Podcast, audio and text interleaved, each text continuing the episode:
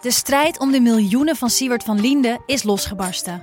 Zowel de staat als zijn stichting eisen de mondkapjeswinst terug. Maar dat die opbrengst in ieder geval niet thuis hoort bij Van Linde, daarover kan toch eigenlijk geen twijfel bestaan. Hoe kon het zo ver komen? Dit is het. We hebben beet. En als Siewert het geld teruggeeft, kunnen wij dit schandaal dan eindelijk loslaten? Je hoort het in de Mondkapjesmiljonairs, exclusief bij Podimo. Ga naar podimo.nl/slash mondkapjes. In de podcast Radio Romano met Noortje Veldhuizen Met Marcel van Roosmalen. En met Roelof de Vries. brengen we alle drie elke week een zogenaamde signalering mee. Wat heb jij nou weer bij je? En aan het eind bepalen we wie de winnaar van de week is. Echt een angstcultuur Lege huls die je er bent? Ja, dat gaat eigenlijk altijd onvriendelijk. Luister nu naar Radio Romano bij Podimo. Via podimo.nl slash Radio Romano luister je 30 dagen gratis. Als puntje bij paaltje kwam, hij moest dan wel zijn moment kiezen en de manier waarop. En ja, ze dacht natuurlijk van, hij wordt binnenkort 88, eh, dat houdt gewoon een keer op. En dan hadden ze toch buiten de waard gerekend. Hij werd door de mensen Soeselgauw genoemd. Het oude oompje. Hij was nog niet weg. Dit is Betrouwbare Bronnen met Jaap Jansen.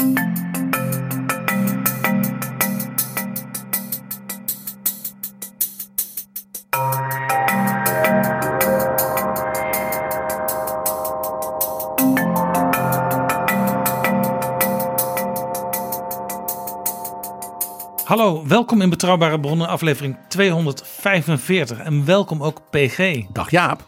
PG, laten we voordat we beginnen even onze nieuwe vrienden van de show verwelkomen. En dat zijn er eh, de afgelopen dagen alweer vijf.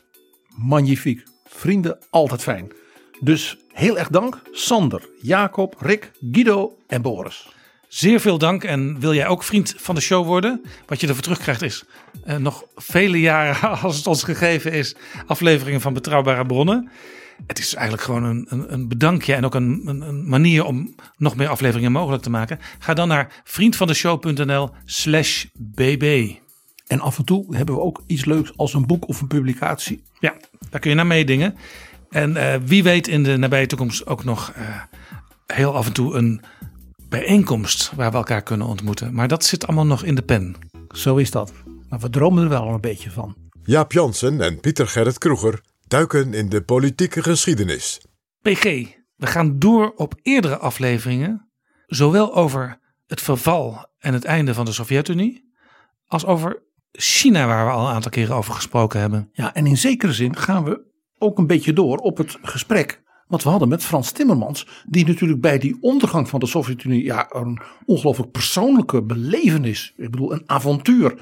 Ja, met Boris op de tank, om maar zo te zeggen, had meegemaakt. Als nu ook voortdurend, bijna wekelijks, in overleg is met de top van China over de toekomst van de wereld rondom klimaat en geopolitiek. Ja, want het wonder van eh, de klimaattop in Glasgow was dat de Chinese onderhandelaar, vertegenwoordiger van een land wat zich eigenlijk heel lang eh, verzette tegen echt verregaande maatregelen. Want ze zeiden, ja, wij moeten ons eerst nog ontwikkelen. En eh, jullie hebben dat allemaal al doorgemaakt, dus geef ons nou meer tijd. Nou, China heeft uiteindelijk toch besloten om mee te doen en wil op hetzelfde level komen als Europa en Amerika en andere landen. En eh, Timmermans is dus als een soort ja, wereldreiziger, een diplomaat, ja, vrijwel elke dag met de Chinezen in gesprek. Ja, je zou bijna zeggen oliemannetje, al klopt dat niet helemaal dan bij klimaat en energie en fossiele brandstof. Maar ook nog dat Timmermans zei van ja, die komende top in Sharm el-Sheikh, dan zullen dus landen als China en India dus ook moeten gaan leveren. Van ja, we doen mee, we gaan ook eh, versneld en ook tempo maken, want alle landen moeten dat doen. Niet alleen maar eh, ontwikkelde landen, maar ook een groot land als China. Dus het wordt dus ook in dat opzicht dus zowel klimaatpolitiek als geopolitiek weer heel belangrijk. En waar nou, zowel met die val van de Sovjet-Unie als dat lange termijn perspectief van China, waar dat gebeurde, daar wou ik het met jou over hebben, ja. Ja, want PG, we gaan 30 jaar terug in de tijd.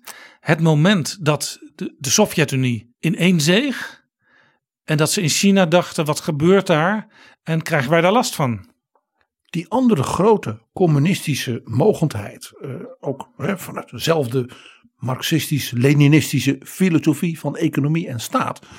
Waar natuurlijk kort daarvoor de jongeren op het plein van de Hemelse Vrede ja, hadden gepleit voor meer openheid, meer democratie uh, en hard waren aangepakt.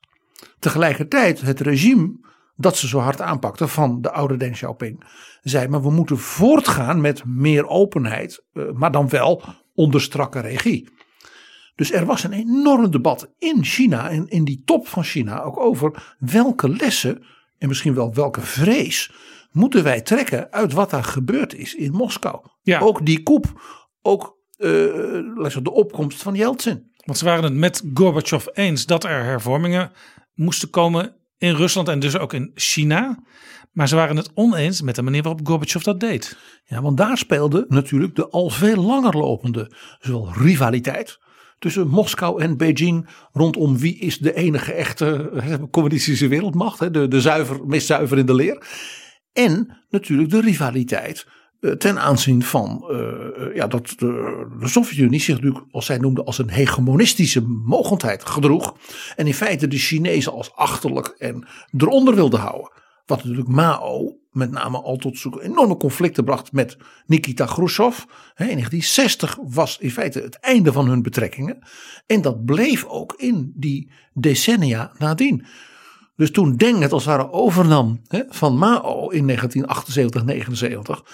Ja, toen was daar natuurlijk de helemaal uh, zeg maar, bijna uh, ja, demente Brezhnev aan het bewind. En ja, dat was dus geen, letterlijk en figuurlijk geen partij voor Deng Xiaoping en de Chinese Communistische Partij. Dus de instorting van de Sovjet-Unie had dus ook enorme, ook bijna een soort mentale en ideologische consequenties in China. Ja, en Deng was iemand die erom bekend stond dat hij wilde moderniseren. En die zette dat ook door. Maar het, het was dus ook zo dat uh, Deng misschien ook wel over zijn schouder steeds moest kijken. Uh, willen ze mij in de top uh, van, van China geen hak zetten? Want misschien vinden ze mij te progressief. En daarbij kwam nog iets. Deng had natuurlijk net voor die val van de Sovjet-Unie, namelijk 1990, begin 91 gezegd. Ik word nu binnenkort 87.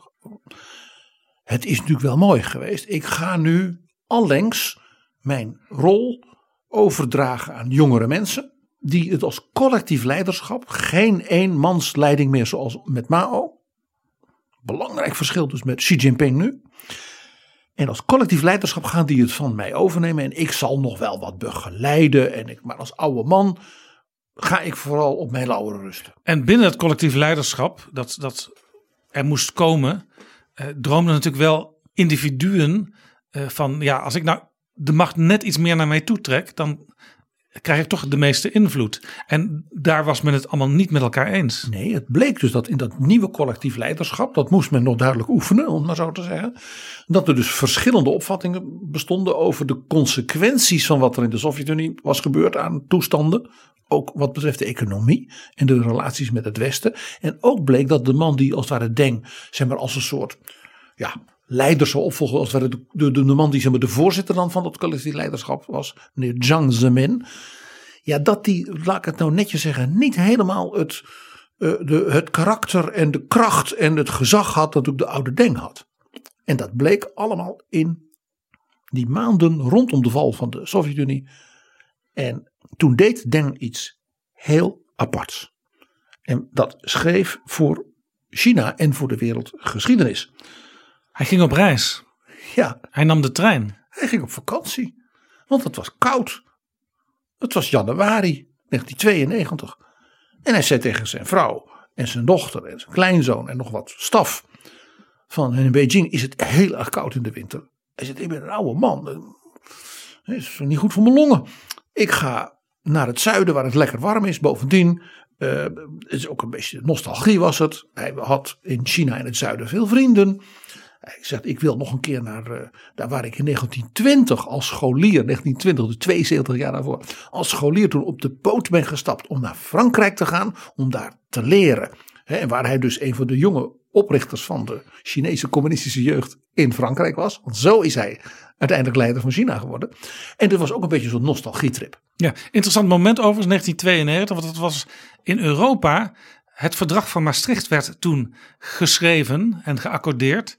En dat ging over een Europa zonder grenzen. Dat we vrij kunnen reizen, vrij kunnen handelen. En daar werd ook de basis gelegd voor de invoering later van de munt, de euro. De politieke en monetaire unie. Dus Europa was enorm economisch aan het uh, Hervormen. vernieuwen. Ja, en, en, de, en eigenlijk wat dus Deng in China deed, namelijk de zaak opengooien. Uh, meer ruimte ook geven. Dus voor in zekere zin binnen een communistisch bewind meer vrijheden. Ja? Uh, Jacques Delors was een beetje de Deng Xiaoping van Europa. En Deng merkte dus in die maanden voordat hij die wintervakantie nam, dat hij uh, ja, moeite kreeg bij het zich terugtrekken van de zeg maar, ja, wankelmoedigheid, zoals hij dat zag, van dus dat nieuwe collectief leiderschap. En dat is een heel bijzonder moment, namelijk 20 augustus van 1991. Meneer Jiang Zemin was op bezoek als dus de nieuwe aanvoerder van China van dat collectief leiderschap bij Gorbachev. Nou, je hoort op 20 augustus, dat was hij dus ongeveer de laatste bezoeker voordat Gorbachev naar de Krim ging voor zijn zomervakantie, ja. waar hij werd vastgezet. En waar die kop kwam. Dus Jiang Zemin komt in Beijing aan en die kop barst in Moskou los. En blijkbaar had dus Jiang Zemin dat helemaal niet gemerkt.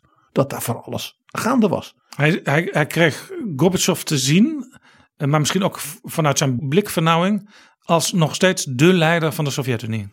Terwijl dus zeg maar, de twee dagen daarna hij daar op de Krim ja, uh, ineens incommunicado was. En meneer Janajev en wat nou ja, waar Frans Timmermans zo prachtig over ja, vertelt. Hier zie je dus ook dat uh, blijkbaar de Chinese ambassade in Moskou uh, niet de juiste informanten had. Nee. Dat heb je soms met, met oude vermonde regimes. Dat ze gewoon te lang op de oude lijnen blijven doorgaan.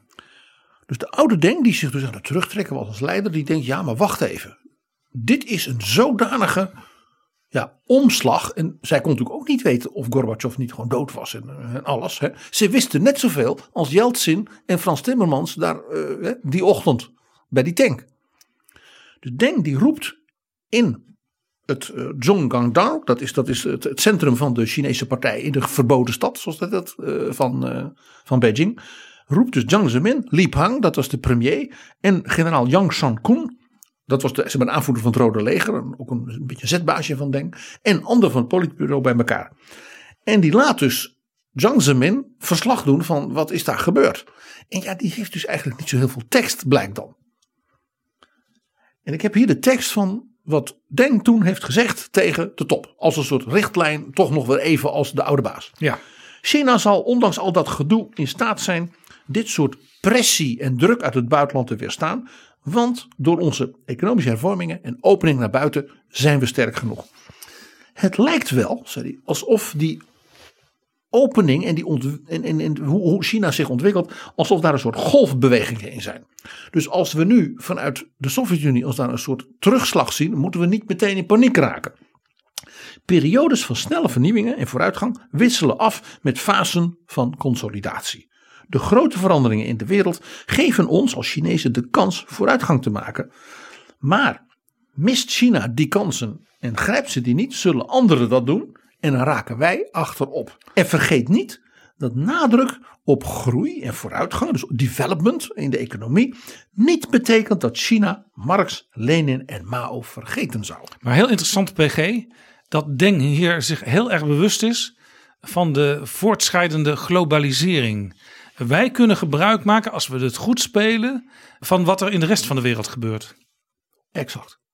Dus ook die openheid is ook nodig om te zien wat er elders gebeurt. En dat was natuurlijk meteen zijn kritiek impliciet op die koeplegers in Moskou. Die, van, die denken dat ze die zaak weer kunnen, als we dat dicht doen. Die willen terug naar vroeger, eh, naar de Brezhnev-tijd. Vergeet het maar. Ja, in feite autonomie zonder strategisch te zijn. Ja. Nou, Denk denkt, dat is helder. En gaat dus weer verder met zijn pensioen, langzaam afbouwen. En merkt dan in die weken daarna dat dus dat politbureau zonder hem vergadert en dat daar dus meningsverschillen ontstaan.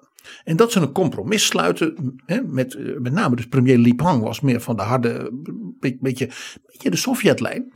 Uh, en Zhang Zemin was dus, ja, wilde dan wat bemiddelen, die ja. was niet krachtig. En dan brengen zij naar buiten een stuk en dat heet de proclamatie van de campagne Zhengdun. En Zhengdun is het woord voor consolidatie. Dat woord gebruikte natuurlijk Deng zelf. Ze gebruikte dus zijn woord. Ja. Periode van grote snelheid en dan even weer consolidatie. En nu werd dus consolidatie niet als ontwikkeling, als het ware, een soort organisch in de economie en de samenleving, maar van bovenaf afgekondigd. Ja, en ook consolidatie misschien wel als een soort belofte dat in ieder geval niet de kant van Rusland zou opgaan, namelijk ineenstorting. En consolidatie van wat we nu hebben bereikt qua opening en dit en dit gaan we even afremmen. Dat is mooi die oude ding, maar hij is nu toch zo langzamerhand weg. Wij Ja. gaan het nu doen. Ja. Dat, daar zit natuurlijk ook een element van die generatiewisseling in. En er werd dus gezegd, ja, door de vrijheid die maatschappelijke sectoren en ondernemingen in China hebben gekregen.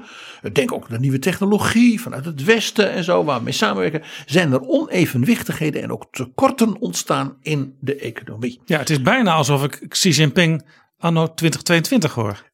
Ja, het is af en toe, het is 30 jaar geleden, maar het is of het vandaag is. Ze zeiden, wij merken hierdoor ook dat er daardoor geldontwaarding, er komt inflatie in China. Dat betekent dus dat de gewone man zijn, zijn, zijn, zijn yuan minder waard is en dat is slecht. Dus we moeten als het ware de economie gaan dempen en afremmen vanwege een dreiging van inflatie en on, zij noemden het onevenwichtigheden.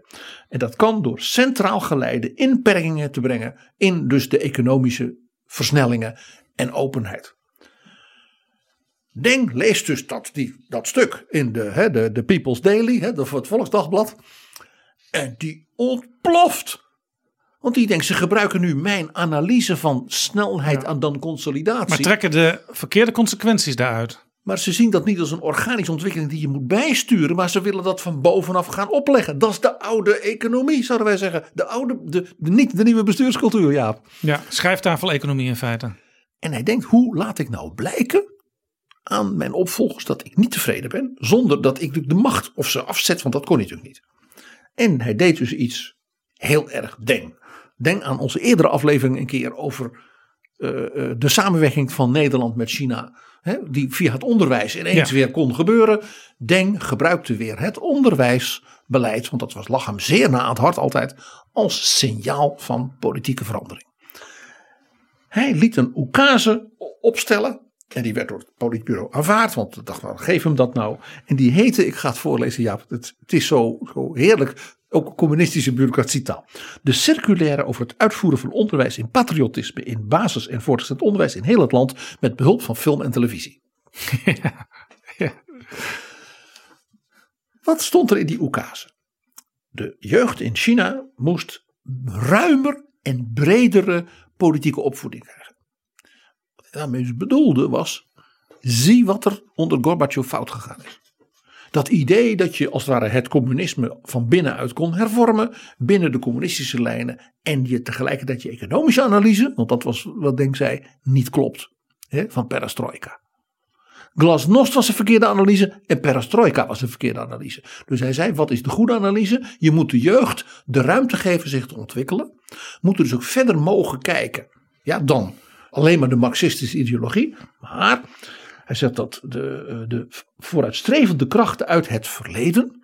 Dus niet alleen maar van na 1949 en Mao. Die moeten aan de jeugd worden overgebracht. Zodat de jeugd leert ruimer te denken en ook innovatief te denken en niet alleen maar ingeperkt te worden in de ideologie. Ja, mocht de jeugd ook al naar het buitenland gaan om daar enkele jaren te studeren? En dat was precies natuurlijk een van die dingen, ook in de samenwerking met Nederland. Hier in die circulaire hoor ik natuurlijk weer uh, de president Lu Jiaxi van de Academie van Wetenschappen, met wie ik toen zo heel veel gesprek heb gevoerd in Beijing en ook in Den Haag. Precies die manier van denken. Nou, uh, daarmee gaf hij dus aan dat dat Zhengdun, die consolidatie.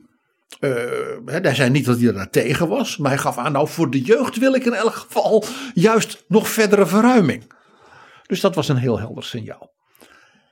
En dan heeft hij in december, dus de maand van de ondergang van de Sovjet-Unie, een soort gesprek als vervolg op dit, deze oekase en dat, die campagne Zhengdun consolidatie.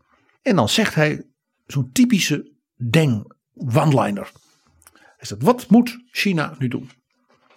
Met wat er gebeurd is in Moskou. Die vlag gaat omlaag en Yeltsin is de president van Rusland en Gorbachev is niks meer. Er is geen Sovjet-Unie meer. Observeer kalm. Hou vast aan je lijn. Antwoord sober. En zorg dat je dingen gedaan krijgt. Dus heel pragmatisch, sober en niet zwabberen. Het feit dat hij dus zegt, hou vast aan je lijn, betekent dus dat hij denkt, dat doen ze dus niet. Hm. Ja, anders zeg je dat niet. Hij is, en toen heeft hij tegen, die, tegen de politiebureau gezegd, ja, moeilijke tijden, tuurlijk. Zei hij, ach, ik ben een oude man. Ik ben zelf vaak bekritiseerd. Ik ben drie keer uit al mijn functies gezet in de tijd van AO. Dat wisten ze natuurlijk allemaal goed. Maar elke keer kwam ik weer terug. Ik heb mijn troepen slagen zien verliezen. Maar toch de eindoverwinning laten halen. Hij was natuurlijk ook militair geweest. Ja. Ook in de tijd van de Lange Mars. Dit was natuurlijk ook van, ik ben afgezet, maar ik kwam altijd weer terug. Dat was natuurlijk ook een signaal weer naar zijn opvolger. Ik ben nog niet weg hoor jongens, ik let op. Ik Ja. zit er nog bovenop. Ja. En toen zeiden ze, ja maar wat is er nou fout gegaan? Discussie over de Sovjet-Unie. Nou zei hij, dat kan ik jullie vertellen. Ik citeer letterlijk. De Sovjet-Unie faalde in het tijdig hervormen van de economie. En de leiding daar hield de communistische partij als organisatie en ook als ideaal niet ferm overeind. Hier hoor je natuurlijk zijn kritiek op Gorbachev. In plaats daarvan begonnen ze een wapenwedloop met de Verenigde Staten. SDI. Ja? Een wedstrijd gingen ze voeren. En wat leidde dat toe? Tot verspilling van welvaart. Die het leven van de gewone mensen in de Sovjet-Unie niet hielp verbeteren. De Sovjetleiders zelf leefden er overigens lekker van. Maar het volk niet. Dit zei hij dus. Tegen zijn eigen opvolgers en dus de top van China. Dit was zijn analyse. Dus hij zei, de Sovjet-Unie heeft dus wel een fout gemaakt bij Glasnost, namelijk die opening. Maar dan moet je wel je idealen, dus je marxistische ideologie, hè, dat zoals hij de overeind houden. Dat deden ze niet. En bij de economie snapten ze niet hoe ze moest hervormen. En gingen ze dus ja, investeren in bewapening. Dat bedoelde hij met name in de Brezhnev-tijd. Hij zei dat konden ze helemaal niet betalen. En dat leidde dus tot een economische neergang voor de gewone Sovjetburger. Nou ja, de, de verhalen, er was niet eens eh, zeep voor de mijnwerkers om ze schoon te maken. Met andere woorden, toen het politbureau en de mensen daaromheen dit, dit hoorden, dachten ze, ja, we moeten misschien toch betere plannen gaan maken en ook laten zien dat er iets van terecht komt. Ja, en hij merkte dus eh, dat zijn kritische kanttekeningen, eh, eh, ja, dat er was, ja, ja, ja, ja, ja, maar gebeurde niet zoveel. Er was geen eensgezinde krachtige leiding. Als Deng Xiaoping van één ding nou niet hield, was een leiding die niet eensgezind was en niet krachtig. Dat was duidelijk. Maar ja, wat kon hij doen? Hij was met pensioen. Maar PG, hij was met pensioen, zeg je. In feite was hij nog wel de grote man van het land. Ja, natuurlijk. Hij was natuurlijk de, de, de, eh, ja, de belichaming van de, de modernisering van China. En van dat de mensen weer hoop hadden op een beetje welvaart. Minder repressie. Dus je zou kunnen zeggen, er was een, een formele leiding, het, het politbureau, en een informele leiding. En dat was in feite nog steeds Deng. Als puntje bepaaltje kwam. Hij moest dan wel zijn moment kiezen en de manier waarop. En ja, ze dachten natuurlijk van hij, is, eh, hij wordt binnenkort 88. eh, dat houdt gewoon een keer op. En dan hadden ze toch buiten de waard gerekend. Hij werd door de mensen Soeselgauw genoemd. Het oude oompje. Hij was nog niet weg. Maar hij ging wel weg. Hij ging op vakantie. Want het was koud in Beijing. Dus hij ging naar het zuiden. Nou, eh, het Rode Leger, waar hij altijd heel veel steun had ge- gehad. Die zeiden, wij organiseren dat. Hoeft u het politbureau niet meer lastig te vallen. Dus het politbureau en de staf van zeg maar, de politieke leiding wist van niks. Dat heeft hij dus bewust gedaan. Dus het Rode Leger had een mooie trein, speciale trein voor de oude man. En dan kon hij naar het zuiden, waar de zon scheen, waar het een beetje lekker warm was. Goed voor zijn hè, stramme ledematen. Ja, is trouwens ook nog een, een, een subliminal signaal, zou je kunnen zeggen. Het leger staat achter mij. Ja, je hebt het heel begrepen. En ik ga naar het zuiden. En in het zuiden, daar ja, heb ik allemaal warme gevoelens. En die mensen misschien voor mij ook wel. Nog iets interessants. Omdat het dus een privé vakantiereis was. En het politbureau het niet wist. Was natuurlijk ook de staatsmedia volstrekt niet op de hoogte.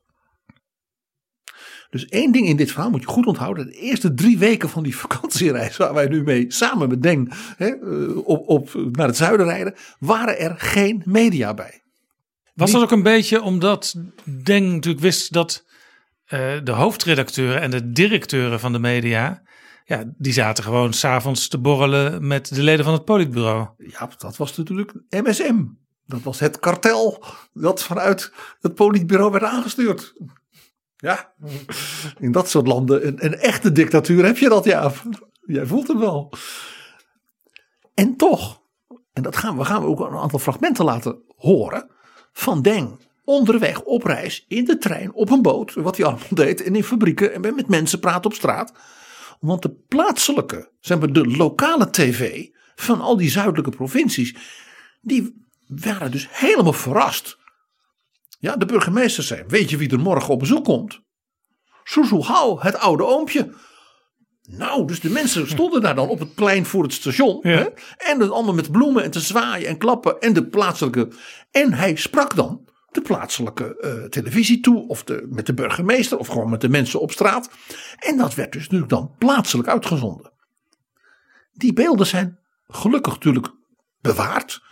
En er is een prachtige compilatie. En die heb ik gevonden, Jaap. En nou, eh, jij bent zo ontzettend goed in die techniek dingen. Dus wij gaan Deng Xiaoping regelmatig in dit gesprek gewoon horen. Terwijl hij op de plaatselijke televisie van, van eh, bijvoorbeeld Suhao en Ja. Wuhan spreekt.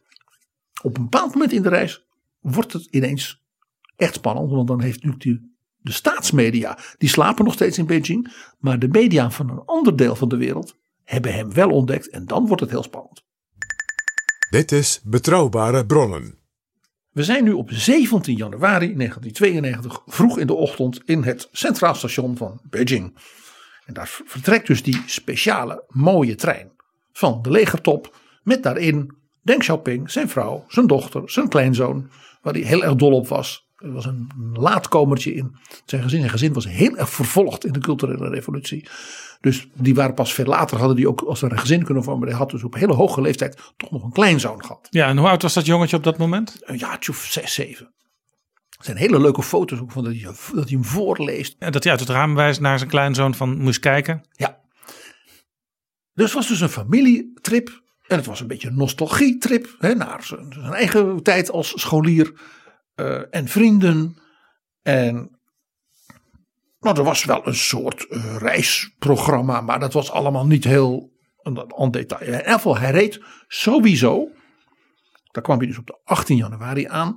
Naar wij zouden zeggen het Utrecht Centraal Station van China. Want daar kom je langs. En dat is de stad Wuhan.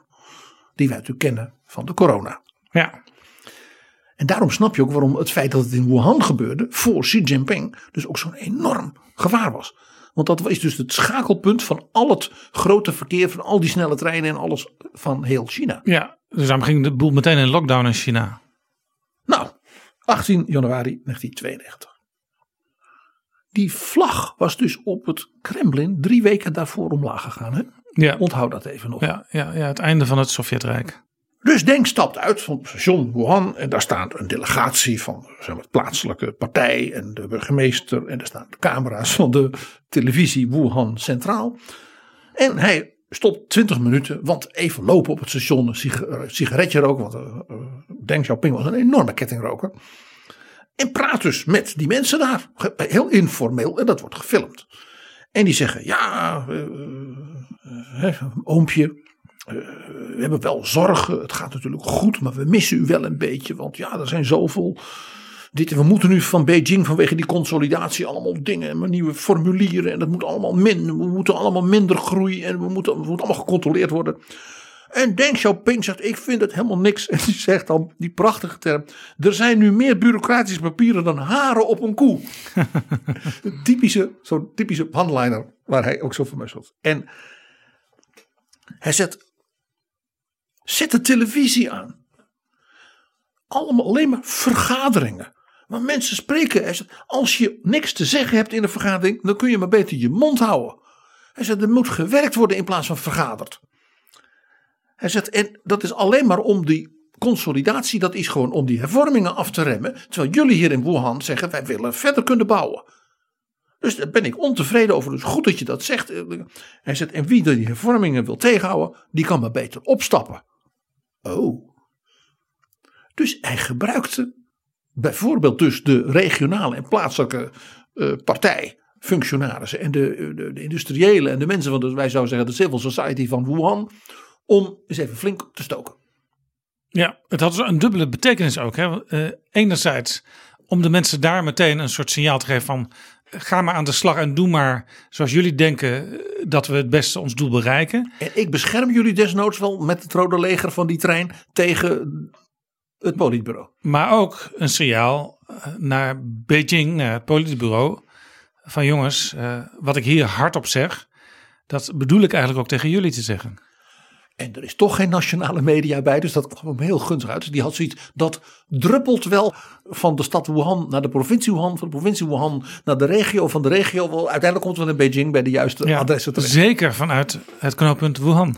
Het interessante is dus precies, Jaap, het feit dat ook dat is symboliek. Je zegt het op, de, op het draaipunt van het land. Waar men dus zegt, de dynamiek die wij willen, die we kunnen, die wordt ons afgenomen. Dat hij zegt, ja, dat wil ik dus niet.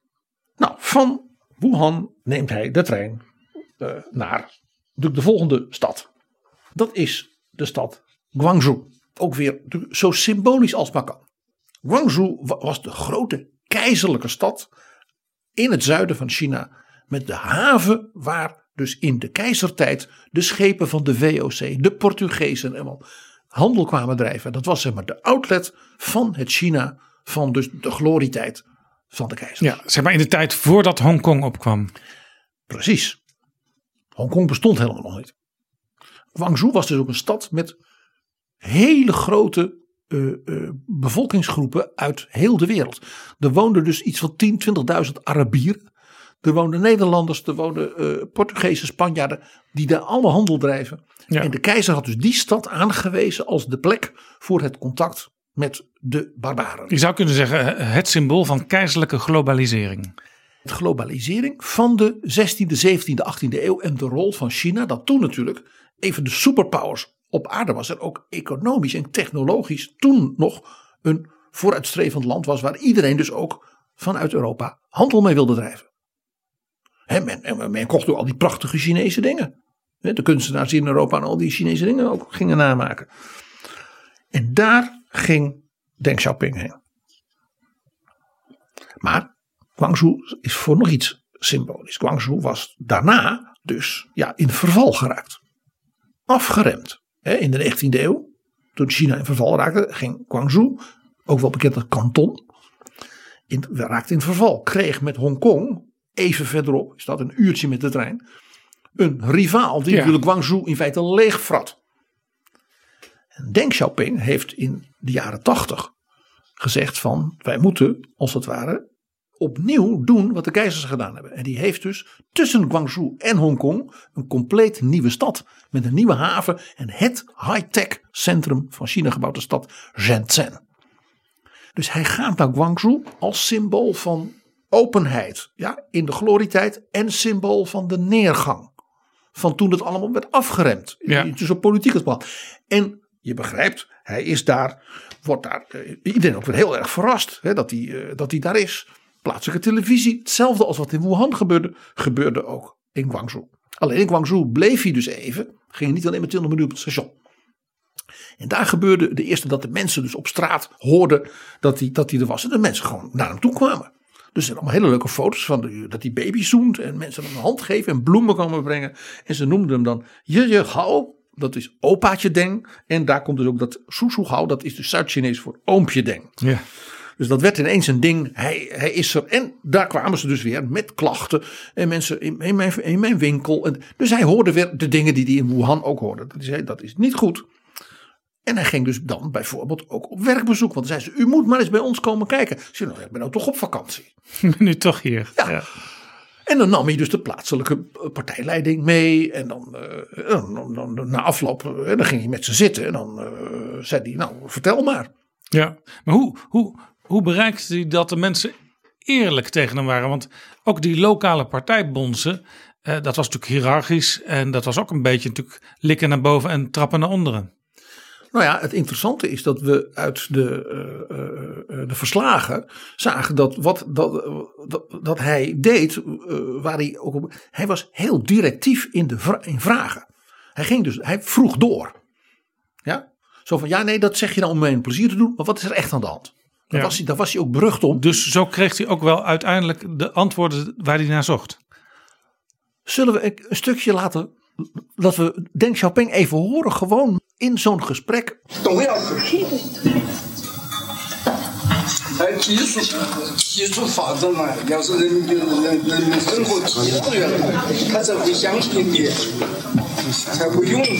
Wat zegt hij hier, PG? U wilt meer tempo kunnen maken. Dat moet u doen. China moet tempo maken. We moeten tempo maken. Dus hij moedigt aan. Laat je dus niet eh, afremmen. Dat was natuurlijk gewoon voor de plekke natuurlijk onmiddellijk duidelijk dat hij daarmee in feite een soort contra-advies gaf. ten opzichte van wat er uit Beijing als orders waren gekomen. Ja, dat kwam dus ook PG een beetje eh, doordat ze nog niet helemaal in de peiling hadden hoe ze eh, de fouten die Gorbachev maakte in Moskou moesten interpreteren. Eh, een aantal leden van het Politbureau hadden dus het idee van laten we maar even op stabilisering varen. Eh, want te progressief beleid kan ook die fouten realiseren die ze in Moskou hebben gemaakt. Ja, een beetje dus de lijn van de koplegers. Die dus dat begrip consolidatie, Zhengdun, van Deng Xiaoping in zijn opvatting dus misbruikten voor een verkeerde koers. En, van, en kijk, in die provinciesteden, zeg maar in Zuid-China, daar was men natuurlijk niet alle dagen bezig met de discussie in het politbureau Nee, over nee. zijn we het eens met Na- Janajev of met Gorbachev. En daar stonden ook niet de opiniepagina's in de krant van vol. Nee, maar die hadden natuurlijk wel ook het nieuws gevolgd. Die hadden ook drie weken geleden die vlag voor het laatst zien dingen. En die hadden ook gedacht, wat gebeurt hier? En onze, ons oompje, opa Deng, hè, eh, Jojo Hao, heeft zich teruggetrokken. Wat Ja. moet er met China Ja, gebeuren? nee, en als ze ergens natuurlijk goed zijn in het lezen van eh, dubbele bodems in teksten, dan is dat in China. Al eeuwen ook voor Mao en Deng. Precies. En in Guangzhou gebeurt dus iets. En dat draait eigenlijk dat hele verhaal om. Wat ik zei al, hè, de media van de officiële media uit Beijing waren er niet bij. Wel de plaatselijke televisie. Maar de plaatselijke televisie van Guangzhou wordt natuurlijk ook ontvangen in Hongkong. En de westerse, kapitalistische media, moderne media van Hongkong. Hongkong had nog die vrijheid die natuurlijk Deng had uitonderhandeld met Margaret Thatcher. Dus die Chinese westerse media, ja, de BBC van Hongkong zal ik maar zeggen. Die zagen natuurlijk die plaatselijke televisie. Misschien zelfs al van, in, van Wuhan en van Guangzhou. Die denken, Deng Xiaoping. En die loopt daar rond en die roept van alles. Dit is nieuws. Dus de stad Guangzhou wordt ineens overvallen door tientallen camerateams uit Hongkong. die verslag wilden doen van de vakantie van Deng Xiaoping. En als ze het in Hongkong zien, dan zien ze het ook in de rest van de wereld. En dat werd dus op een brutale westerse doorvraag, eh, niet eh, vanuit de MSM van het kartel in Beijing eh, georganiseerde manier, werd dat verslag gedaan. Daar werden dus daar werden foxpopjes op straat van. Daar zeiden we zijn blij dat J.J. Gouden weer is en er moet weer. Ja. Dus de mensen gingen allemaal dingen roepen. En denk zei helemaal mee eens. Ja? En, ze, dus, en ze liepen dus met hem mee over straat en dan bij die werkbezoeken. Deng Xiaoping 抓住时机发展自己，关键是发展经济。只要是讲效益、讲质量、搞外向型经济，就没有什么可以担心的。Dus ineens begon die reis een soort uh, verhaal te worden. En één ding was duidelijk: hij ging niet morgen weer terug naar Beijing. Hij was maar net begonnen. Hij kreeg er steeds meer zin in. Dat was ook heel opvallend. Dat merk je dus ook aan de, de, de foto's en de verslagen. Dat Deng werd weer helemaal jong. Ja, het effect was natuurlijk ook van zo'n reis. Dat op elk volgend station waar die stopte, dat daar meer mensen, meer publiek was. Het beide zich natuurlijk vooruit. Nat natuurlijk. Dus de provinciale uh, tv van de volgende stap, namelijk Zhuhai, uh, die wisten hij komt. En de jongens van uh, de Hongkongse media hadden natuurlijk gezegd: wat is de, hoe is het itinerarium van de reis? Oh, hij gaat naar en dan, oh, hij eindigt dan in Shanghai voor het nieuwjaarsfeest. Dat, hè, dan gaat hij met uh, vrienden en dan krijgt hij zelfs nog gewoon speciaal vuurwerk voor zijn verjaardag, zijn 88e verjaardag. Dus die gingen natuurlijk een heel media-ding plannen. En dachten dat kunnen we verkopen aan CNN en aan. Ja, dat was natuurlijk. Ja, dat is kapitalisme. ja.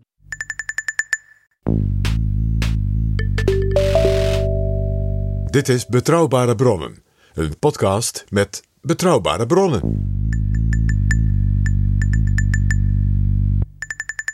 De volgende eh, stap in de reis, want hij kreeg er dus steeds meer zin in, was: weet je wat, we gaan met de boot. Dus hij gaat van Guangzhou naar de stad Shenzhen. Dat is even verderop. Dat is dus die stad door hemzelf zeg maar, bedacht. Ja. En een zogenaamde speciale zone gemaakt. Zoals dat heette. Zodat westers kapitaal daar kon investeren. En met Chinees kapitaal. En dan kon je een soort 50-50. En daar kon je dus high-tech en alle mogelijke dingen laten maken. Dat was een geweldig succes. En daar was Deng Xiaoping dus heel trots op. Dus in de tijd dat hij zeg maar, nog echt de macht had. En uh, wel oud was, maar nog niet zo oud. Ging hij eigenlijk wel om het jaar uitgebreid naar Shenzhen. Om zich te laten bijpraten. De nieuwste ontwikkelingen in de technologie. Uh, uh, en dergelijke. En de wetenschap. En wat voor mensen heb je nodig? Wat voor opleidingen zijn nodig? Ja. Ik zei het al eerder. Deng Xiaoping was een enorme onderwijs en technologie en wetenschap aanjager. Maar een heel gewaagd project dus hè, om een speciale vrije zone in te richten. Met een waar dus miljoenenstad. heel veel traditionele bureaucratie niet aanwezig is. Exact. En waarbij dus bijvoorbeeld voor de bevolking dus ook op een, wij zouden zeggen, kapitalistische manier flats gebouwd werden om te wonen. Dat was niet de, de DDR-plattenbouw. Dus Shenzhen werd het symbool ook van dus de andere manier van hoe een socialistisch land zich economisch zou kunnen hervormen en ontwikkelen. En daar ging hij op bezoek en hij kwam dus bij al die uh, fabrieken en ook nieuwe fabrieken, ja, waar hij nog niet geweest was twee jaar geleden of vier jaar geleden, en, of waar hij wel geweest was. Dus die mensen die ontvingen hem dan, hè, oompje, en dan werd hij rondgeleid en dan praatte hij met de, de, nieuwste ingenieurs en dit, wat er allemaal gebeurde in de informatica, want dat vond hij allemaal prachtig en interessant. En dus hij liet zich bijpraten over ja, dat dus die nieuwe regels vanuit uh, Beijing. Dat die dus betekent dat allerlei investeringen werden uitgesteld of niet doorgingen. Dat de groei daardoor omlaag ging. En de nieuwste ontwikkelingen, dat China dus ging achterlopen. Nou, je begrijpt, dan was natuurlijk uh, de boot aan. Ja. Dus dat bezoek in Shenzhen, dat werd ook door die, dat je de nieuwste beelden zag. Via de Hongkongse televisie keek natuurlijk heel China ineens mee. En die zagen hoe dat Shenzhen zich de voorbije jaren nog meer had ontwikkeld. En dat mensen dachten, ja, dat willen we. En ze zagen ook dat Deng hier blij mee was met die enorme ontwikkeling. De mensen konden ook zien dat de oude baas weer helemaal jong werd. Dus iedereen zag ook dat stagnatie niet de bedoeling was. Precies. En in Shenzhen, daar was een, een aanlegstijger. Ik zeg de plaatselijke partij had geregeld dat er een soort, een soort boot was. Met gezellige kamers en weet je wel, een mooie soort, soort cruiseschip. Dat de Parelrivier zou afvaren van Shenzhen naar Zhuhao. En aan het eind van de Parelrivier heb je natuurlijk de stad Shanghai. Dus niet meer met de trein, maar met het bootje. Er zijn dus erg leuke foto's van Deng met zijn kleinzoon en de familie en zijn staf. En natuurlijk al die camera. Die camerateams zijn allemaal, we gaan mee. Ja, maar eigenlijk een beetje een, een traditioneel beeld zo in zo'n boot. Het heeft ook iets van de keizer die op inspectie gaat bij zijn onderdanen. Maar dat is natuurlijk ook in China helemaal niet zo raar. Dat beeld, dat is, ja, dat herken je wel een beetje. Het zit bij wijze van spreken ook in de genen van de Chinezen. Van de geschiedenis. Ja, ook al zijn ze inmiddels al tientallen jaren communistisch. Ja. En dan is er een heel bijzonder moment. Dan varen ze Shenzhen uit richting Zhuhai. En dan komt er een bepaald moment, en dat staat langs de oever. Dat is het douanehuis, het tolhuis van de Qing-keizers. Die dus die stad Guangzhou, even verderop, tot de haven hadden gemaakt. Waar ook al die VOC-schepen en al die andere mochten komen. Uit de Ming-tijd. Uit de Ming-tijd, ja. En men zeggen van ja, dat is dat. Ja, zegt de Deng Xiaoping, dat weet ik. Hij zegt dat is uit de tijd. Dat dus de westerse landen hier kwamen. En dus China ja, economisch ingehaald hadden. En China ten onder ging. Dat was zijn analyse. Ik lees nu voor wat hij letterlijk aan boord tegen zijn reisgenoten zei. Wij Chinezen werden vernederd door de imperialisten toen. Maar die tijd is voorbij. Wie achterlijk zijn, worden geslagen. Wij zijn duizenden jaren arm geweest, maar we zullen nooit meer armoedig zijn. als we niet de nadruk leggen op wetenschap, technologie en onderwijs, zullen we opnieuw geslagen worden. Dus dat, dat douanehuis stond ook voor hem symbool voor zeg maar, ja, de afhankelijkheid van China als armoedig en hij zegt in feite als achterlijk land. Ja. Aan, op die boot werd hij dus bevraagd door allerlei mensen van ja maar hoe ziet u dat dan? Uh, er is toch ook kritiek want u wil dus nog meer openheid, nog meer ja, zoals een Shenzhen. En zei, ja we zijn nu op weg naar Shanghai, daar hebben we het ook geprobeerd uh, aan te moedigen. En toen werd hem gevraagd maar ja u bent toch van het marxistische idee. U bent toch van, van het socialisme met Chinese karakteristieken. Ja. U bent toch geen kapitalist? Het lijkt wel of u een kapitalist bent. Ja, u bent zo enthousiast hier. Ja.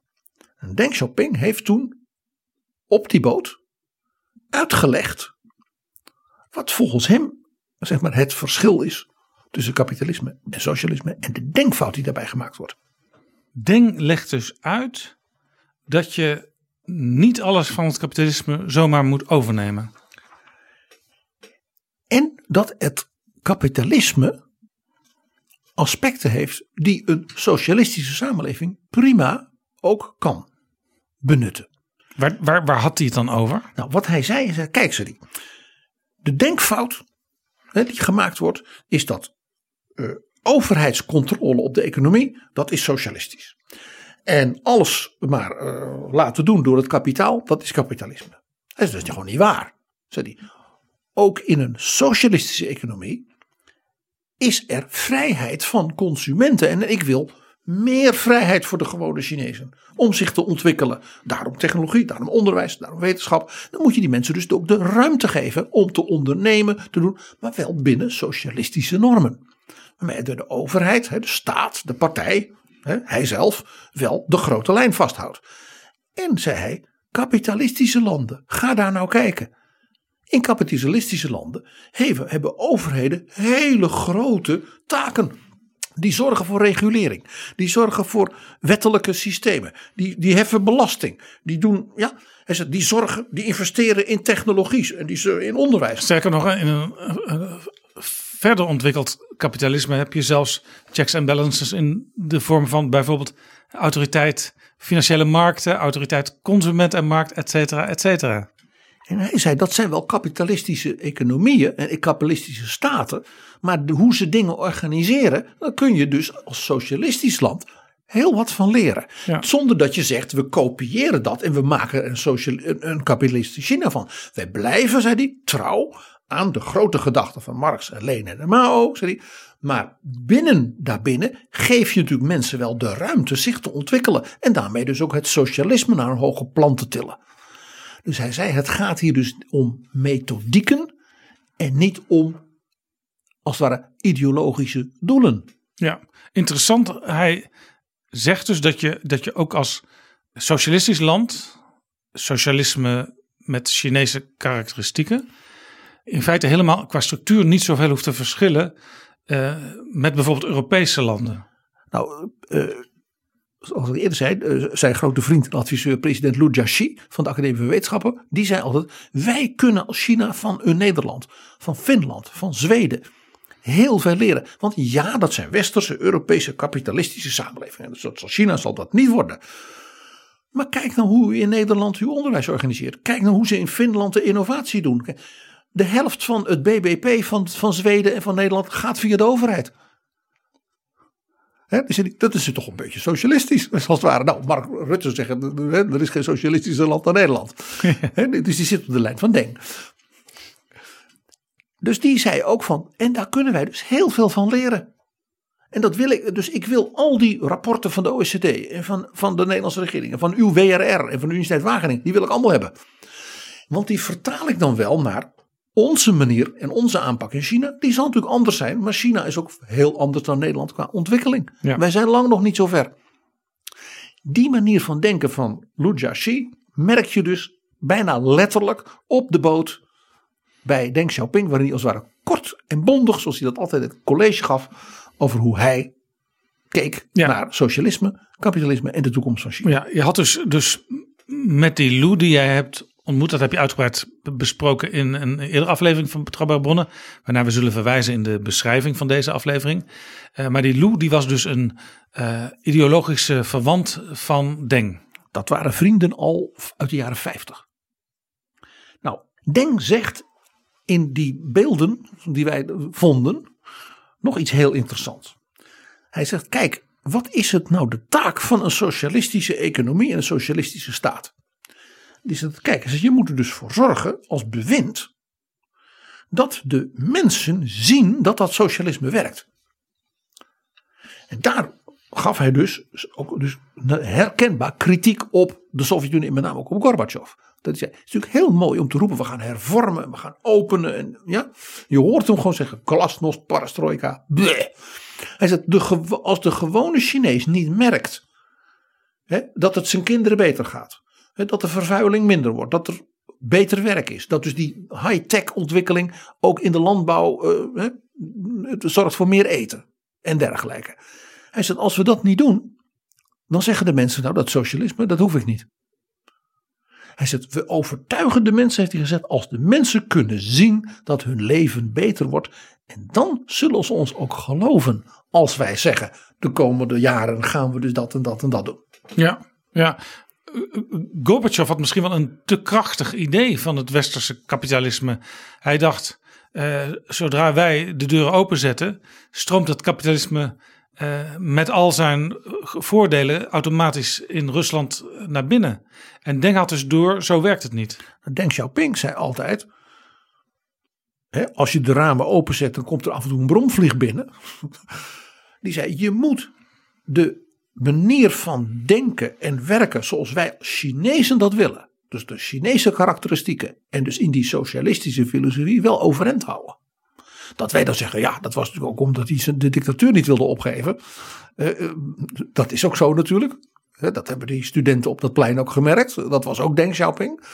Maar hij zag natuurlijk wel goed dat als je zegt, nou, we gaan al die westerse dingen overnemen, dat je dan niet vanzelfsprekend een westerse cultuur, economie en uh, beschaving ontwikkelt. Dat dat niet kan.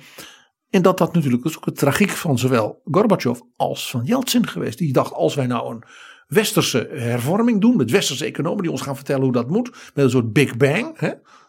In Polen was dat gelukt. Ja, maar Polen had natuurlijk toen al de armen van de EU, van Duitsland en van de samenwerking hè, die, die door Delors mogelijk was gemaakt. Die dus Polen hielp. Ja. Dat had natuurlijk Jeltsin niet. Nee, en Polen liet zich dat ook gezeggen, want die wilde maar wat graag bij het westen van Europa aansluiten. Ze wisten als ze die stappen zetten, dan konden ze mee gaan doen. Deng Xiaoping zag dat dus. Vandaar dat hij zei, Gorbachev heeft in feite zowel bij Glasnost als bij Perestroika precies de verkeerde analyse gebruikt.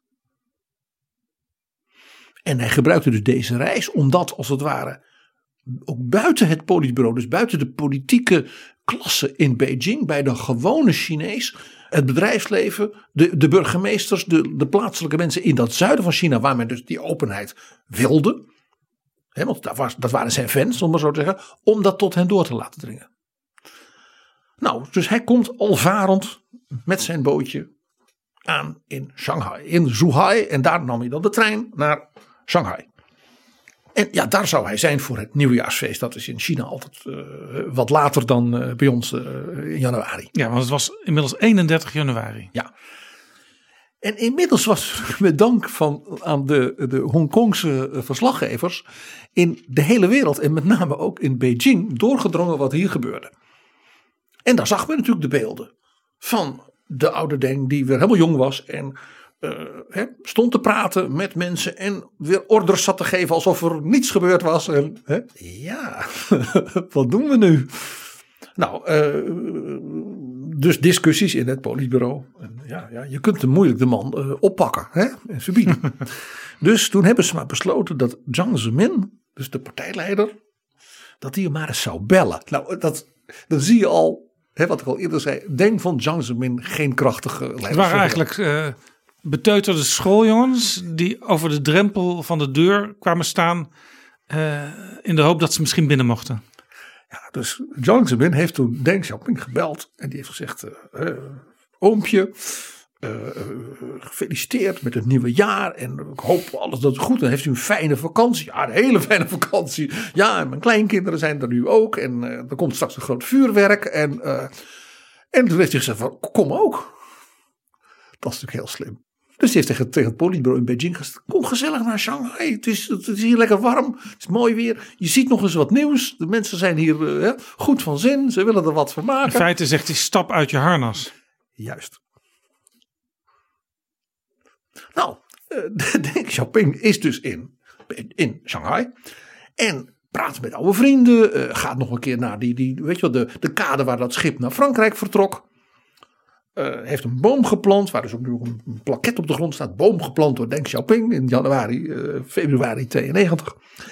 En hij zegt tegen zijn dochter: Ik wil ook eens gewoon een beetje door de stad wandelen. En eh, ja, je merkte, hij was eh, 88, maar had er echt zin in. En toen zei ze: Nou, de kleine jongen, dus de kleinzoon, is altijd een beetje mee geweest. En hij is binnenkort jarig. Ja, ja, ja. Wees nou lief. We gaan een cadeautje voor hem kopen. Het dit is heel menselijk. Waarop Deng Xiaoping zegt, een cadeautje kopen. Deng Xiaoping vertelde zijn dochter dat hij in geen 30 jaar, dus sinds 1962, in een winkel was geweest. Want hij had natuurlijk een tijd in de gevangenis gezeten of in een strafkamp. En hij was natuurlijk de leider van China geweest. En dan, die man ging natuurlijk nooit naar een winkel. Hij zat dus eigenlijk in de Beijing-bubbel. Ja, dan wel in een strafkamp. Ja, precies. Dus Deng gaat uit zijn eh, zeg maar, winterverblijf, waar hij dan logeerde, eh, met zijn dochter en zijn vrouw, mevrouw Zhuo Lin, heette zij, Ja. gingen ze winkelen. En dat deed je in Shanghai naar, bij de Nanjingweg, dus genoemd naar de oude hoofdstad van China, hè, Nanking, Nanjing.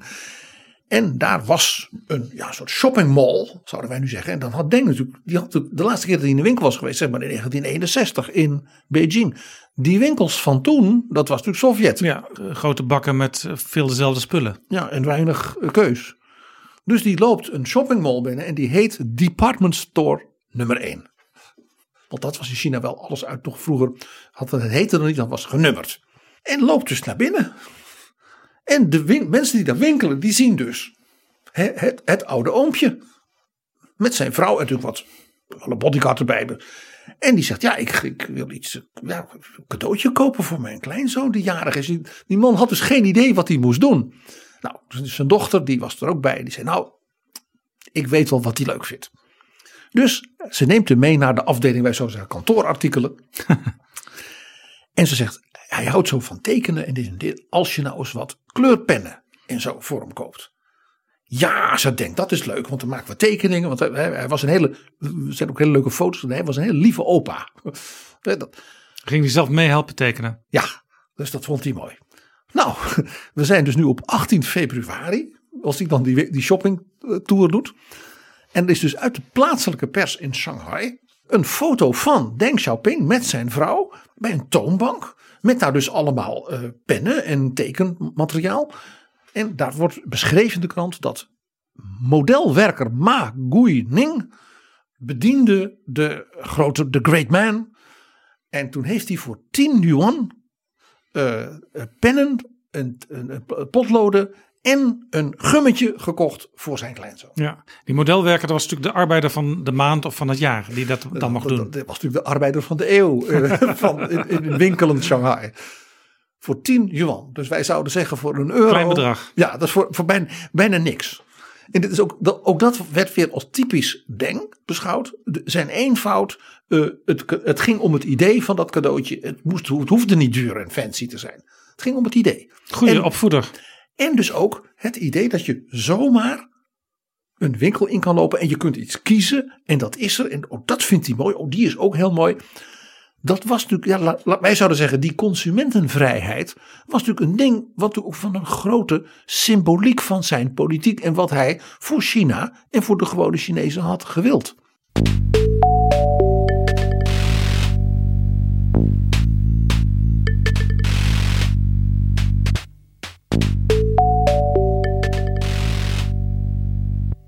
In Beijing was het effect natuurlijk dat de mensen die het eigenlijk wel met Deng eens waren, en dat gold met name voor de vicepremier Rong, Dat was de man die zeg maar, de economie van de stad Shanghai, waar hij dus nu aan het shoppen was, eh, onder Dengs gezag had gemoderniseerd. Dus die had die opening geregeld. Dat, al die enorme torens die je nu in Shanghai ziet, dat is, de, dat is in feite een, een soort polder aan de rand van de stad, waar dus de, de parelrivier de zee in komt. Dat hebben ze drooggelegd. Heel Hollands. En dat heet de Pudong. En dat is nu als het ware dat centrum met al die enorme torens. Dat was dus door hem ontwikkeld. Ja. En Deng had hem dus naar Beijing gehaald als zeg maar, de man die zijn economische ideeën zou garanderen na zijn dood. Ja, en zou kunnen voortzetten ook op andere plaatsen. En die werd dus door die eh, eh, eh, consolidatiecampagne in feite opzij gezet. En die begon dus te organiseren in Beijing. Dat er werd gezegd, ja, wat Deng zegt. Dus al die uitspraken hè, die we ook net hoorden van hem op die boot en dergelijke. Die werden dus genoteerd, werden rondgestuurd. En daar werd als het ware een soort campagne gemaakt tegen die consolidatiecampagne. Ja, hij, hij was dus in feite ter plekke in Beijing uh, Denks campagne aan het ondersteunen. En hij wist ook, als mij dit lukt, dan zit ik gebeiteld en dan kunnen we eindelijk doorzetten wat Deng echt wil. En volhouden. dat hij ook zei, hou de koers vast. Antwoord sober en krijg dingen gedaan. die, die, die kernbegrippen van, van, van, van Deng. Dus toen werd gedacht van we moeten dit als we bij elkaar brengen tot een soort publicatie.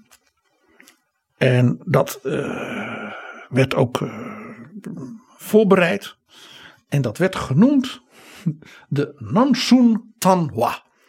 En Nansun, dat was een begrip dat iedere, zeg maar, ge, zeg maar, ge, opgeleide Chinees die iets van de Chinese geschiedenis en politiek wist, onmiddellijk begreep.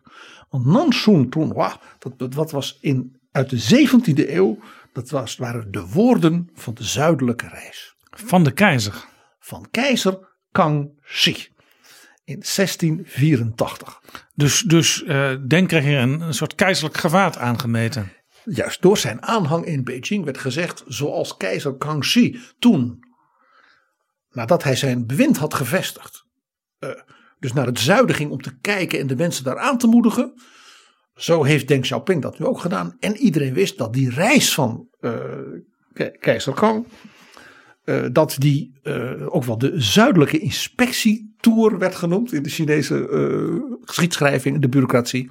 En dat dat begin was van een enorme periode van economische bloei met bijvoorbeeld zo'n stad als Guangzhou, hè, als haven die hij dus had aangewezen. Met, nou ja, met dat douane ding. Dat hele verhaal heeft daar natuurlijk mee te maken. En het is heel fraai. Want Deng toen. Toen Deng dat hoorde, zei hij, nou dat is mooi. En dat ze dus mijn woorden verspreiden, uh, dat is prima. Uh, maar ik vind die term Nang Sun Tanhua, woorden van de zijdelijke reis, dat is mij een beetje te. Want ik, ik wil niet geassocieerd worden met een keizer. Ik ben maar een gewone jongen van China. Ja, het was niet sober. Nee, niet sober. Misschien wel doelmatig, maar niet zo. dus op aandrang van Deng heeft men dus toen die term aangepast. Toen werd het dus van Nansun Tanwa, werd het ineens Nanfang Tanwa. En dat was woorden uit het zuiden. Ja, de connotatie zit er nog steeds wel in. Alleen het klinkt iets bescheidener. Precies mag allemaal wel een beetje nuchterder en soberder. En eh, wat ook weer heel erg bij de man paste. Ja. Maar je begrijpt, die woorden vanuit het zuiden, eh, zoals we ze hè, dus net ook citeerden, eh, die kregen natuurlijk een enorme politieke betekenis. Ja, nou was natuurlijk uh, vicepremier Rong, die was al bezig met het uitvoeren van de nieuwe richtlijnen. Maar dat politbureau, dat ging toch ook nog op bezoek in Shanghai? Ja, ze zijn ook bij hem langs geweest. Uh, je zou zeggen de ringkussen. En toen kwam Deng terug. Want het, de, al de eerste kou in Beijing was wel voorbij. Uh, eind februari, begin maart. En hij werd natuurlijk ontvangen. Eh, toen kwam hij natuurlijk aan met diezelfde trein. Maar niet meer in het geniep. toen was het, hij is weer terug en hij is gezond weer. En hij is, de, de reis heeft hem goed gedaan. En hij heeft een goed, gezond kleurtje. En, het zuiden heeft hem goed gedaan. En Zhang Zemin, dus de baas van het collectieve leiderschap, die had het goed begrepen. Die dacht, wat kan ik het beste doen? Ik ga dit helemaal naar me toe halen. Dus die heeft gezegd, wat prachtig dat eh, Deng Xiaoping daar in het zuiden met de mensen is gaan praten. Daar heeft hij allemaal lessen opgenomen die voor ons ook eh, goed zijn. Dat is inspirerend. En heeft dus toen een, een publicatie gedaan, een soort toespraak. En heeft gezegd van als je dit samen moet vatten, dan is dat toch Dengs grote geest die wij beter moeten begrijpen en daardoor ook echt kunnen implementeren. Dus wij zijn ook zijn leerlingen opnieuw. Beetje slijmerd, hè? Die ja. Jiang Zemin. Ja, maar ook weer, hij is tenslotte de man die altijd zo'n nadruk legt op onderwijs. Dus wij, hè, dat. En hij heeft gezegd, en als je nou samenvat wat de visie van Deng is op hoe China zich moet ontwikkelen. En daar komt dus dat punt van die quote die we lieten horen aan die boot. Socialisme en kapitalisme. Hoe hij zegt eigenlijk de visie van, van Deng, en dat is ook onze visie natuurlijk, is een socialistische markteconomie. Dat kennen we, dat begrip. In Europa noemen we dat sociale markteconomie. Sociale marktwirtschaft. Eh, overigens, de man daarvan was ook 87 toen hij zei van ik moet er nu mee stoppen. Konrad Adenauer. Ook 87. Ja, die, eh, die ook zat te mopperen op zijn opvolgers, weet je nog. Alleen ja, die heeft dan niet zo'n treinreis gemaakt. Om de, eigenlijk de macht nog één keer terug te pakken. En dus dat hele concept van dus die balans van socialisme en kapitalisme. Waarbij je dus de Chinese kenmerken, ja, als het ware, overeind houdt. En dus wel een eenpartijstaat en ja, eh, erbij houdt. Dus niet de fouten van Gorbachev maakt. Maar de positieve elementen zowel van het Chinese verleden, hè, zoals eh, denk dat zijn niet alleen maar communistisch, als van het Westen, hè, dus werkzaam met landen als Nederland en dergelijke, dat je dat integreert in een heel eigen model. En Deng Xiaoping was dan ook zeer tevreden toen hij dus die conclusies eh, getrokken zag. En heeft zich toen definitief, als het ware, zouden wij zeggen, teruggetrokken. Eh, en hij is vijf jaar later, eh, omdat hij, hij kreeg natuurlijk een bepaald moment Parkinson, is hij op heel hoge leeftijd eh, overleden. 1997. En zo zie je hoe dus die val van de, van de Sovjet-Unie. De koep, ja, met Jeltsin op die tank, eh, met naast hem Frans Timmermans. En die vlag die gestreken werd, kerstavond, op het Kremlin.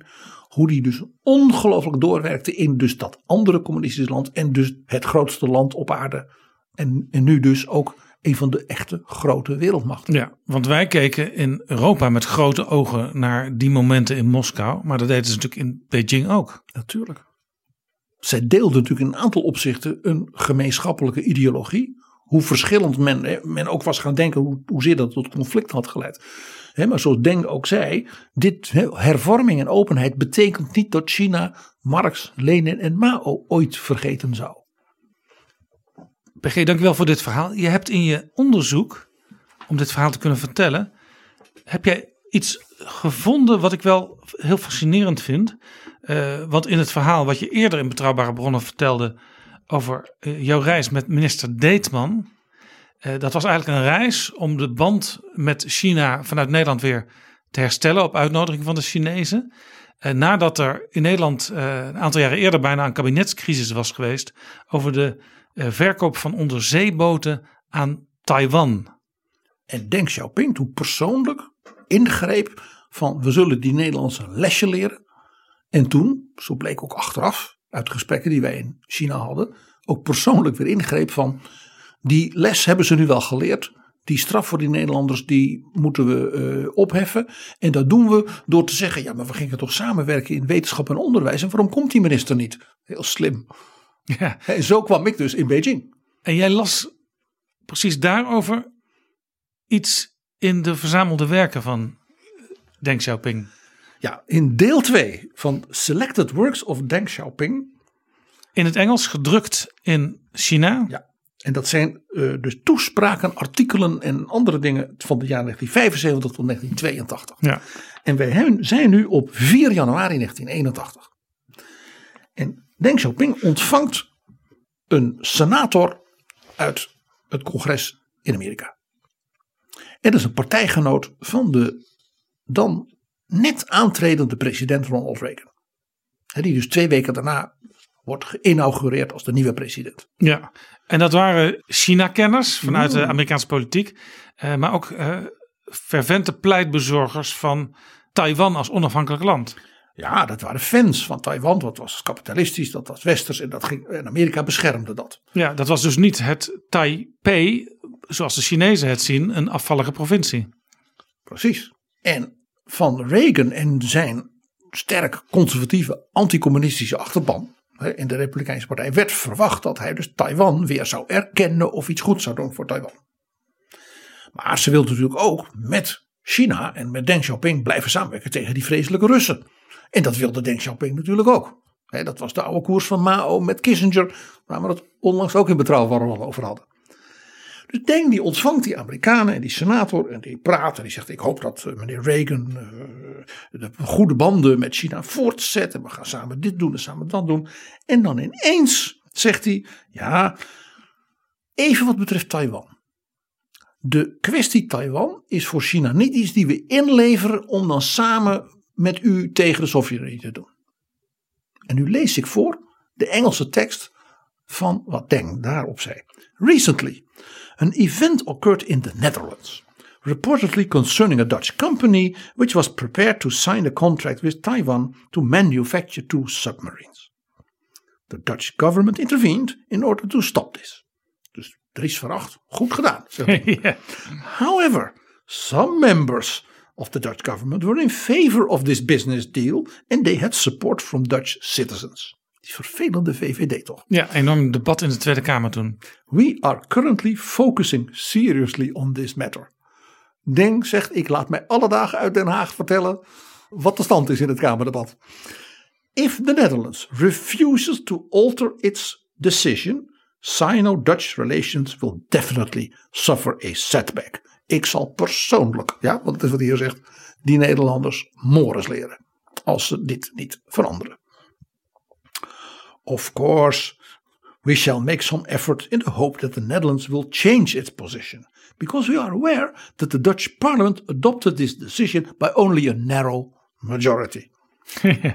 Je hoort hem denken, je hebt nog die dissidenten in het CDA, misschien kunnen we die eh, van acht laten dwars zitten. Therefore, it is not completely impossible to reverse it. Wie weet kunnen we het nog terugdraaien. Ik heb nog wat lobbyisten ingehuurd. Het is toch, Deng Xiaoping tegen een Amerikaanse senator. Over gedoe in Den Haag. En dan gaat hij door. If our efforts fail, we shall then adopt further measures. We hope similar events will not occur between China and the United States. Dit is dus pure machtspolitiek. Eh, Deng, het grote China, eh, leest Nederland de les. Als waarschuwing aan Ronald Reagan. Ga niet zo ver dat je Taiwan gaat bewapenen. Interessant. En, Waarschijnlijk. en, en, en zijn, zijn gedetailleerde verslag van het debat in Den Haag. Ja, een deel van het kabinet, eh, die van acht, eh, heeft moeite de zaak bij elkaar te houden. Dat parlement heeft maar een hele kleine meerderheid. Dus misschien. Die man zat dus letterlijk dus de verslagen te lezen van de Chinese ambassade in Den Haag. Ik vermoed dat niet veel politici aan het Binnenhof op dat moment zich dit realiseerden. PG, jij las nog iets en misschien is dat een mooi stukje om mee af te sluiten. Want Deng Xiaoping had ook een gesprek met de secretaris-generaal van de Verenigde Naties. Ja, en dat was precies zeg maar een jaar of tien voor deze treinreis. Dat was ook in de tijd van die onderzeeboten die aan Taiwan geleverd zouden worden van Nederland, maar wat niet doorging. 1982. En de SG van de VN was Perez de Cuellar. En die komt op bezoek in Beijing en die wordt natuurlijk ontvangen door Deng Xiaoping. En die praat met hem natuurlijk niet over details. Die praat over de grote wereldpolitiek. En Deng, dit is, dat is het allerlaatste stuk in dit deel 2 van zijn verzamelde werk. En dat is geen toeval. Want Deng, het lijkt wel alsof hij even met een sigaretje gewoon is hardop zit na te denken over de toekomst.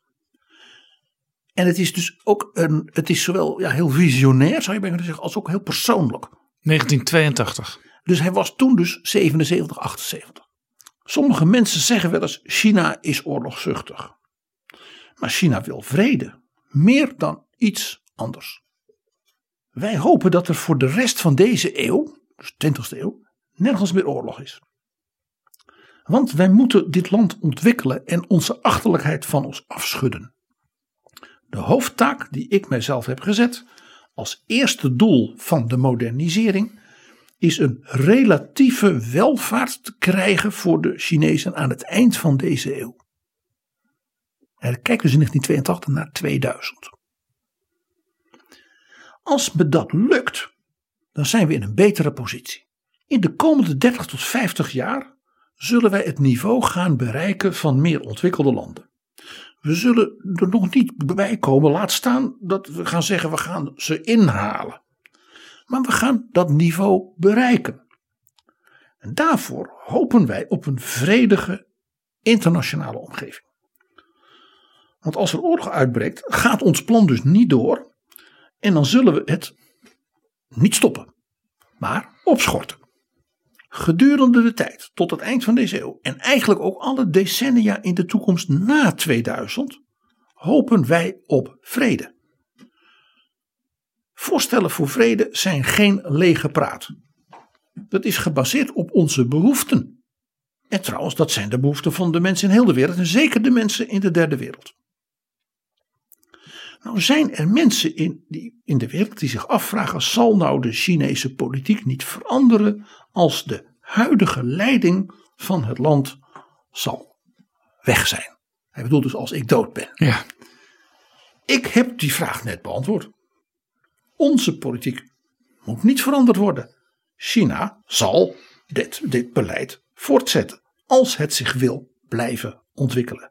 En niemand zal zo dom zijn dat beleid te veranderen. Dit is heel interessant, PG, ook zeker in 2022. Want in zekere zin kun je zeggen dat Xi Jinping uitvoert, mede uitvoert wat Deng in gang heeft gezet. Maar op dit moment is de wereld ook een beetje in spanning over de relatie tussen uh, Rusland, het Rusland van Poetin en het Westen. En Poetin gaat zeer binnenkort naar uh, Xi op bezoek. En dat is het eerste bezoek en de spanning tussen, in jaren. En de spanning tussen China en het Westen is er ook. En China en zijn buurlanden is er ook. En Poetin, dat kun je eigenlijk wel, wel invullen. Die wil natuurlijk ja, een soort van toestemming. Of in ieder geval eh, dat, dat China niet moeilijk gaat doen. Als Poetin mogelijk iets in wat hij dan noemt uh, zijn invloedssfeer, de Russische invloedssfeer gaat doen. Bijvoorbeeld met Oekraïne. Xi heeft natuurlijk een, een ander punt. Die, die heeft nog altijd Taiwan daar als uh, afvallige provincie. Maar dat beschouwt hij niet als invloedssfeer. Dat is China. Dat is het moederland. En dat is misschien ook een denkfout in de gedachtevorming van Poetin. En nou misschien. Ja, de, de, de, de Poetin is natuurlijk iemand die zegt: de Oekraïne bestaat helemaal niet als natie. Nee, het is een soort Taiwan. En misschien uh, dat, bij de dat, dat Xi Jinping vooral zal zwijgen als Poetin hierover praat. Want hij heeft natuurlijk in zijn hoofd nog die woorden van Deng zitten. Als er oorlog uitbreekt, gaat ons plan niet door. En je ziet dus dat die periode die Deng schetst, hè, dus zijn visioen. Ik wil tot 2000, dus dat is dan 20 jaar verder, wil ik vrede en China wil dat, want wij moeten die achterlijkheid van ons afschudden. De openlijkheid dat dus de leider van dat land gewoon zegt, dit land heeft, is nog steeds in de greep, hè, ondanks zijn grote hervormingen die natuurlijk toegaande waren, van achterlijkheid. En dat duurt dus misschien dus nog wel twintig jaar voordat we beginnen in de buurt te komen van andere ontwikkelde landen. Zij bedoelde dan Zuid-Korea en dergelijke. En dan in de decades daarna, zegt hij, hoop ik ook dat dat nog steeds die vrede blijft. Want dan kunnen we ons verder ontwikkelen en dat is in ons eigen belang. Hij zegt, dat doe ik niet vanwege vrome taal. Dat is omdat dat zijn onze behoeften. En dat geldt eigenlijk voor alle landen in de derde wereld die arm zijn dan wel zich moeten ontwikkelen. En wat je dus nu ziet is dat China zich onder Xi eigenlijk zegt van wij zijn nu zover. We hebben een ruimtestation. We hebben, ja. Dus je ziet dus dat in China nu de, eigenlijk de discussie is: gaan we als het ware die periode van Deng achter ons laten? En gaan we als het ware de, het nieuwe Xi-tijdperk in? En daarom, wat eerder al eens een keer over hadden, het feit dat Xi anders dan Deng het Xi Jinping denken, dus in de grondwet heeft laten opnemen, Ja. terwijl dus Deng zei: ik hoef ook niet dat die reis net heet als een keizer. Ik ben een gewone jongen van China. Xi Jinping, en daarin zie ik dus een markant verschil. Dus dat inderdaad China een nieuwe periode tegemoet gaat. En dat markante verschil, dat kan dus ook tot gevaarlijke gevolgen leiden. Het leidt tot een andere lange termijn koers van China. En het interessante zal dus zijn dus of Xi Jinping in de komende maanden op weg naar die zeg maar, derde termijn die hij er zou krijgen, wat in feite een soort termijn voor het leven is, of hij het soort visionair verhaal als Deng Xiaoping hier had als oude man, of Xi Jinping dat ook voor China zal brengen van de komende 30, 50 jaar, die kant wil ik op. Ik ben nu al benieuwd, PG, wat jij en ik, of hoogstwaarschijnlijk onze opvolgers, over 30 jaar hierover zullen zeggen in betrouwbare bronnen. Dankjewel.